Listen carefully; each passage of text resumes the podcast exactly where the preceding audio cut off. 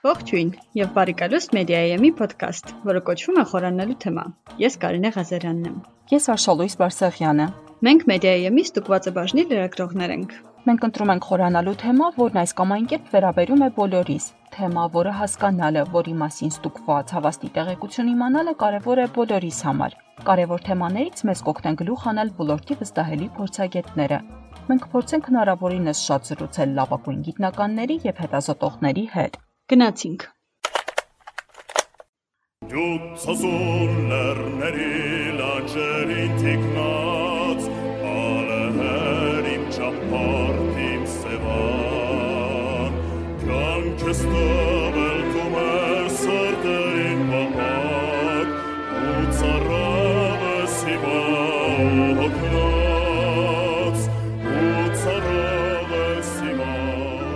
Հարավային Կովկասի ամենամեծ քաղցրահամ լիճը այսօր ոչ միայն ծառավ ու հոգնած է, այլև ծաղկած ու ճահճանալու ռիսկը գլխին կախված։ Այսօրվա խորանալու թեման Սևանն է։ Ծաղկած լճի վիճակը ամենալավը երևում է արբանյակային պատկերում։ Սևանը կապույտի փոխարեն կապտականանչ երանգով է։ Այս ահազանգող պատկերը ճահճանալու ռիսկը առավել իրատեսական է դարձնում։ Ոստի այս թողարկման ընթացքում կփորձենք հասկանալ, թե ինչքանով է հավանական Սևանի ճահճացումը ինչ կպատահի, եթե լիճը ճահճանա եւ ինչ է պետք անել նման ելքից խուսափելու համար։ Խորհրդային տարիներին որոշվեց Սևանից ավելի շուտ օգուտ քաղել եւ 1933 թվականից սկսեցին չորացնել Սևանը, իջեցնել ջրի մակարդակը, որպեսզի Սևանից մնա մի փոքրիկ մաս, իսկ ազատված հողերն ու ջուրը օգտագործվի գյուղատնտեսական եւ էներգիա արտադրելու նպատակով։ Հետագա տասնամյակներում Սևանի ջրի մակարդակը մոտ 20 մետրով իջեցվեց, իսկ ջրի ծավալը կրճատվեց շուրջ 40 տոկոսով։ 1950-ական թվականներին Սևանի կղզին վերածվեց թերակղզու։ Ջրի մակարդակի այսպիսի իջեցումը իհարկե աղետալի հետևանքներ ունեցավ։ Սևանում սկսվեց ճահճացման գործընթաց։ Ամռանը կանաչող ջուրը ճահճացման արտահայտումներից մեկն է, Ջրիմուռները տաք եղանակին բուռն ծաղկում են, հետո քայքայվում, նստում հատակին և ամեն տարի մի քանի միլիմետր բարձրացնում հատակին կուտակված օրգանական նյութը։ Սևանի ջրի մակարդակը իջեցնելով մենք նաև քայքայել ենք հատակի ջրի սառը շերտը՝ հիպոլիմնիոնը, որը եթե լիներ, կարող էր չթողնել, որ հատակի կուտակված նյութը խառնվի ջրի հիմնական զանգվածի հետ։ Լճերի ծաղկումը հազվադեպ երևույթ չէ։ Սևանում ծաղկում սկսել է նկատվել 1964 թվականից։ Արդյունքում ջրում պակասում է թթվածինը, վատանում է ջրի որակը, համը, հոտը։ Սակայն Սևանի ամենավատ շրջանը 1977-ից 78-ին էր, երբ լիճը ճահճակալման շեմին էր։ Հետո իրավիճակը փոքրինչ բարելավվեց, բացվեց Արփասևան թունելը եւ Սևանի մակարդակը սկսեց աստիճանաբար բարձրանալ։ Ձեռնարկված միջոցառումների կիսատ պրատ լինելու պատճառով խնդիրը չլուծվեց։ 2018-ից Սևանը նորից սկսեց բուրըն ծաղկել։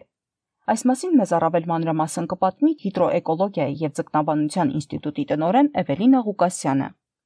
Վերջին տարիներին նույնպես տեղի էին ունենում ջրիմուռների ծաղկման գործընթացներ, սակայն դրանք այնքան էլ հաճախակի չէին, երկարատև չէին եւ համեմատաբար մակարդակով բավականին ցածր էին։ Այդ էր պատճառը, որ շատերը ուշադրություն չէին դարձնում դրա վրա։ Սակայն 18 թվականից սկսած ծաղկումները լճում դարել են ավելի հաճախակի։ Ասել, որ կապտականաչ ջրիմուռների ծաղկումը դա խիստ թունավոր երևույթ է, դա ճիշտ չի լինի, որովհետև դրանք հանդիսանում են լճի բաղադրիչ մասը եւ նրանք կարող են զարգանալ իրենց ցիկլով։ Պարզապես խնդիրն այն է, որ երբ նպաստավոր պայմաններ են ստեղծում նրանց զարգացման համար, նրանք սկսում են բուրըն ձևով աճել, փոխելով ջրի որակը։ Վերջին տարիներին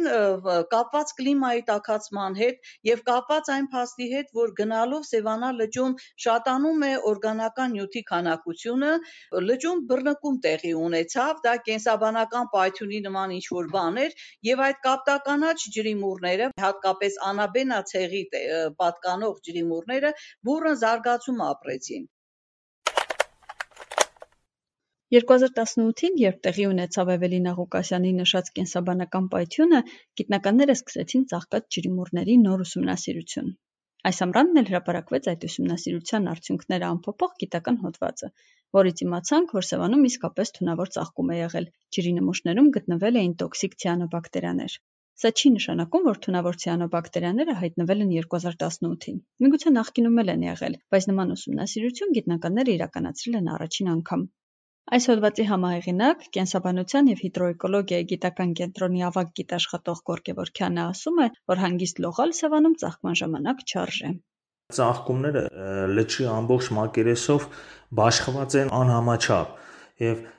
միտեղ կարող է շատ մեծ կոնցենտրացիա լինի թույների, մեկ այլ տեղ շատ ավելի թույլ, մեկ այլ տեղ ընդհանրապես չլինի։ Կուտակված վայրերում լողանալ իհարկե ես անձամբ խորհուրդ չեմ տա եւ դա ռիսկային է քանի որ ջրում կա թույն, թունավորումը կախված է թույնի կոնցենտրացիայից, բայց ամեն դեպքում եթե մենք տեղեկատվություն չունենք կոնցենտրացիոն վիճակից, բայց գիտենք, որ թույնը կա, արդեն դա ռիսկ է։ Սևանալիճը այս վիճակին հասցնելու պատճառը իհարկե միայն ջրի մակարդակի բարձրացում իջեցումը չէ։ Սևան են լցվում շրջակա բնակավայրերի եւ հանգստավայրերի գոյուղաջրերը։ Դրանք ջրի մուրների համար նպաստավոր պայմաններ են ստեղծում։ Գործող մաքրման 3 կայանները միայն մեխանիկական մաքրում են կատարում։ Փոխարենը չկա անհրաժեշտ կենսաբանական մաքրման կայանները։ Լճի վիճակը ավելի է բարդացրել տասնամյակների ապօրինի ձկնորսությունը։ Վերացել են խեցգետինները եւ մի քանի տեսակի ձկները, որոնք լիճը մաքրելու ընդունակություն ունեն։ Ձմեռային իշխաններ եւ բոջակը իսպար անետացել են, այսինքն իշխաներն ու վերականգնենք իրանց զվադրավայրերը, մեկը մենք չենք վերականգնի իրանց։ Խնդիրը մյուս, ասենք, Գեղարքունին եւ այն ամար, ամարային իշխանի մասին է, որոնք ես կասեի դրանց խնդիրը մակարդակի իջեցումը այդքան չի եղել, քանի որ այդ երկու ենթատեսակները կարողանում են բարձրանալ գետեր եւ ձվադրել գետերի ակունքներում։ Այստեղ խնդիրը գետերի վիճակն է, որոնք չեն թողում, որպեսզի այդ ձկները նորից վերարտադրվեն, քանի որ ինչպես գիտեք, գետերի վրա նույնպես մեծ աղտոտումներ, մեծ պատնեշներ, մասնավորապես հիդրոէլեկտրակայանները, այսինքն դրանք խոչընդոտում են, որ ձկները բարձրանան գետի ակունք եւ այնտեղ վերարտադրվեն։ Ոչ թե ցանկալի էլ կենսական է լիճը ճահճացումից փրկելու համար արագ քայլեր ձեռնարկելը։ Գորկեվորքյանն ասում է, որ ճահճացումը Սևանում ոչ թե հարյուրամյակների, այլ տասնամյակների խնդիր է։ Այդպես ժամկետներ ոչ ես կարող եմ ասել, որ ոչ էլ ինչ որ որևէ մեկը, բայց որ ամեն տարի մենք ունենալու ենք դեպի ճահճացում տանող դրական միտում դա փաստ է, բայց ոչ մեկ չի կարող ասել կոնկրետ 3 տարուց 5 տարուց թե 10 տարուց կլ։ Բայց խնդիրը սա միայն ճահիճ դառնալը չէ Սևանի։ Որքան այս խնդիրը խորացավ, հետո վերականգնելը շատ ավելի բարդ ու դժվար է լինելու, ավելի ծախսատար է լինելու եւ նույնիսկ կարող է անհնար լինի։ Էվելին Աղուկասյանը մի քիչ ավելի լավատեսական է տրամադրված։ Լսենք նաև նրան։ Ես հաճախ եմ լսում, որ ասում են Սևանը հոգեվարքի մեջ է եւ նմանատիպ այլ անպագորգոր արտահայտություններ։ Իհարկե, այդքան ծայրահեղ վատ չի Սևանա լճի վիճակը, սակայն միտումները վատն են։ Հիմա տեսեք, եթե մենք թողնում ենք պարզապես իր բնական ընթացքով ինքը աղտոտվի եւ բացառում ենք այդ ամեն կոմունալ կենցաղային հոսքաջրերի ազդեցությունը, դա կարող է դանդաղ տեղի ունենալ, բայց եթե մենք միանգամից լցնում ենք այդ կൂട്ടակումները եւ մակարդակը նաեւ իջեցնելու դեպքում հատակը սկսում է բարձրանալ, նշանակում է անգամ 1 սանտիմետր իջեցնելու դեպքում մենք մոտավորապես 10 տարով ծերացնում ենք լճի կյանքը։ Դրա համար ենք մենք պայքարում յուրաքանչյուր սանտիմետրի համար, դրա համար ենք մենք պայքարում ափամերձ բուսականությունը հեռացնելու համար, որովհետև այդ ափամերձ բուսականությունը լրացուցիչ օրգանական աղտոտվածություն է, այսինքն պարարտանյութ է ջրիմուռների աճի համար։ Երասնա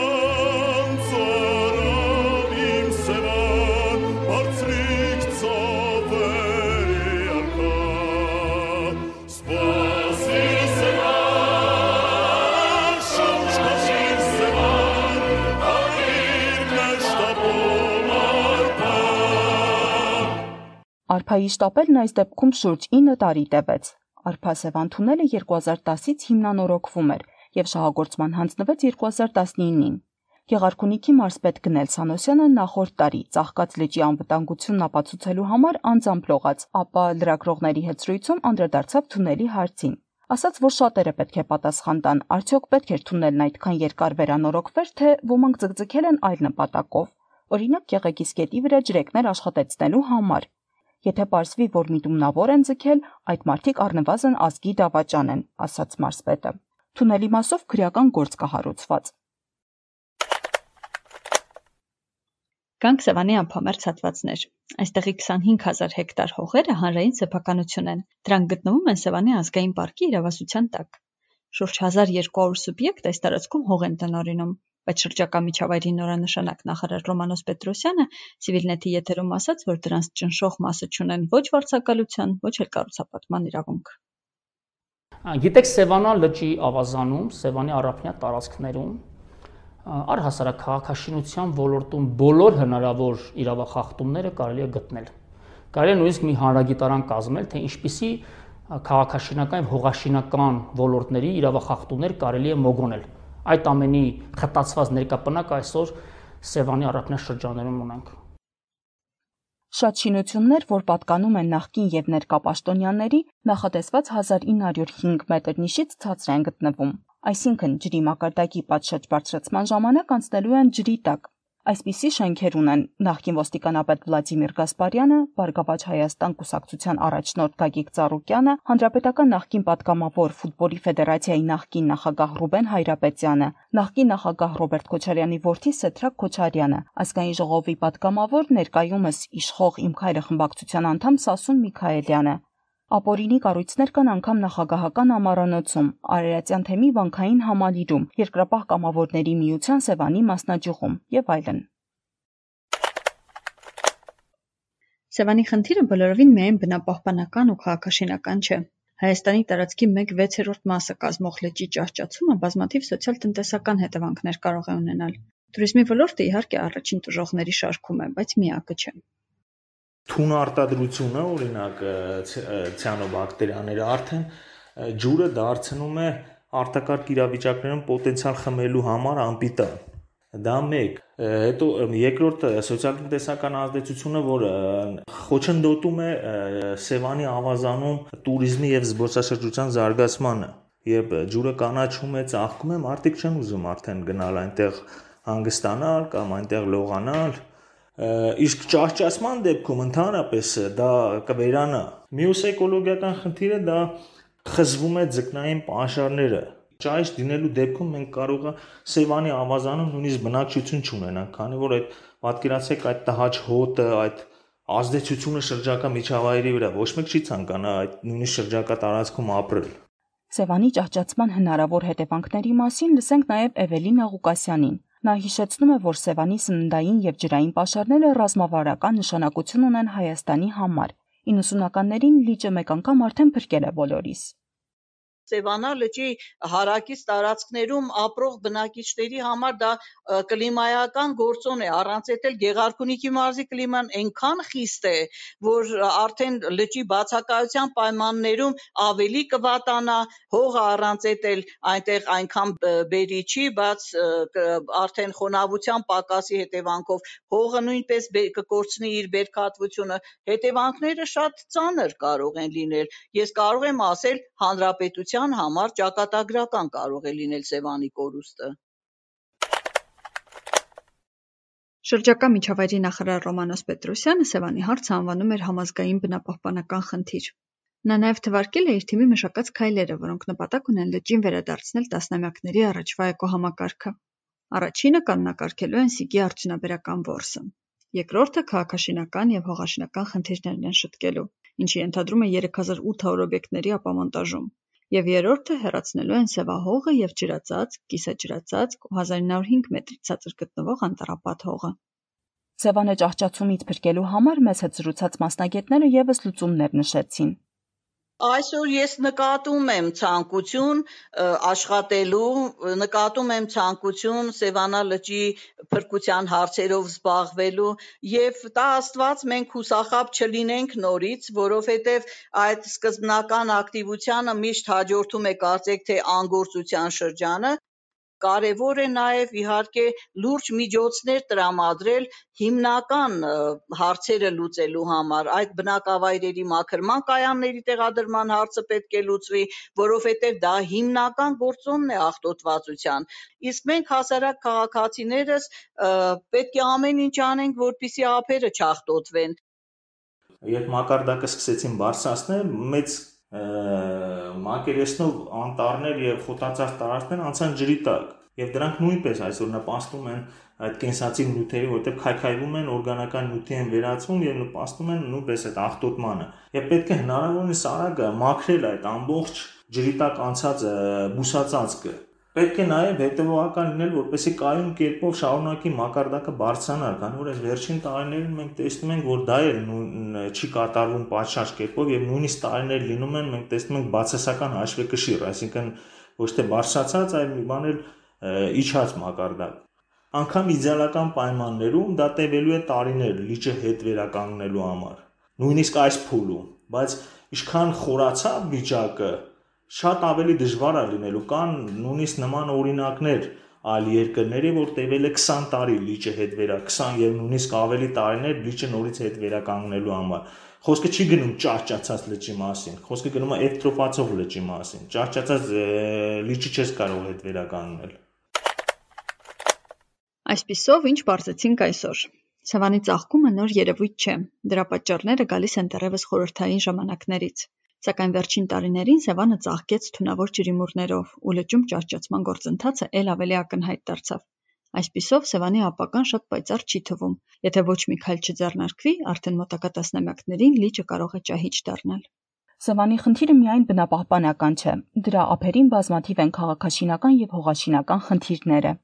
Սևանը ճահճացումից փրկելու համար անհրաժեշտ է իրականացնել մի շարք քայլեր, որսագողության կանոնակարգում, կենսաբանական մաքրման կայանների շահագործում, լճում օրգանական նյութերի ծավալի քչացում և ջրի մակարդակի բարձրացում։ Այսքանը այսօրվա թեմայի մասին։ Գտեք մեզ Google Podcast-ում, Apple Podcast-ում, լսեք եւ կարդացեք մեզ Media.am կայքում։ Լսեք մեր նախորդ թողարկումը, որտեղ խորացել ենք պոպուլիզմի թեմայի մեջ եւ փորձել ենք հասկանալ իշխող ուժը եւ քաղաքական առաջնորդ Նիկոլ Փաշինյանը պոպուլիստ են թե ոչ։ Եթե հավանեցիք ոդքասթը, ապա կիսվեք ընկերների հետ։ Նաև գրեք մեզ ոդքասթ շնիկ media.am հասցեով եւ առաջարկեք թեմաներ, որոնց շուրջ կուզեք միասին խորանանք հաջորդ թողարկումների ժամանակ։ Ցտեսություն։ Ցտեսություն։